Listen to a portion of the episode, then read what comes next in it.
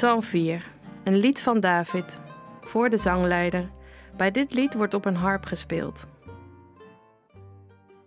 Luister naar mijn gebed. Goede God, als ik om hulp roep, geef mij dan antwoord. U beschermt mij altijd als ik het moeilijk heb. Wees ook nu goed voor mij en luister naar mijn gebed.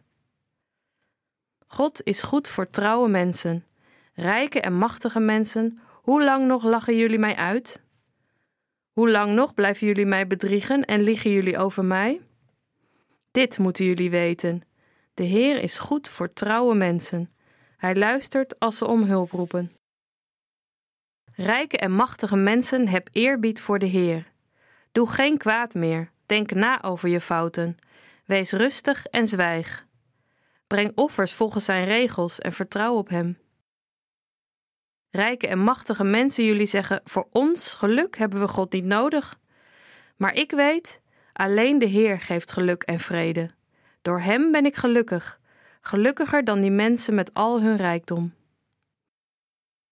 Heer, U laat mij veilig wonen. Ik hoef niet bang te zijn, ik kan rustig slapen.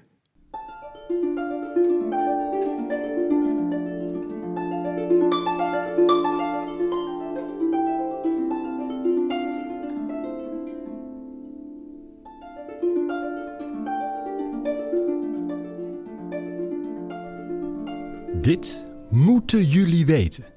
Laat David in deze psalm weten. De Heer is goed voor trouwe mensen. Hij luistert als ze om hulp roepen. Oh, is dat zo? Ik ken legio voorbeelden van gebeden die niet verhoord zijn. Ik ken mensen die heel trouw waren in hun geloof, maar die geen lang en gelukkig leven hadden. Integendeel zelfs. Waarom dan deze uitspraak van David? Op het eind van deze psalm nog zo eentje. Heer, u laat mij veilig wonen. Ik hoef niet bang te zijn. Ik kan veilig slapen. De realiteit is vaak anders. Ik kan geloven en toch heel bang zijn.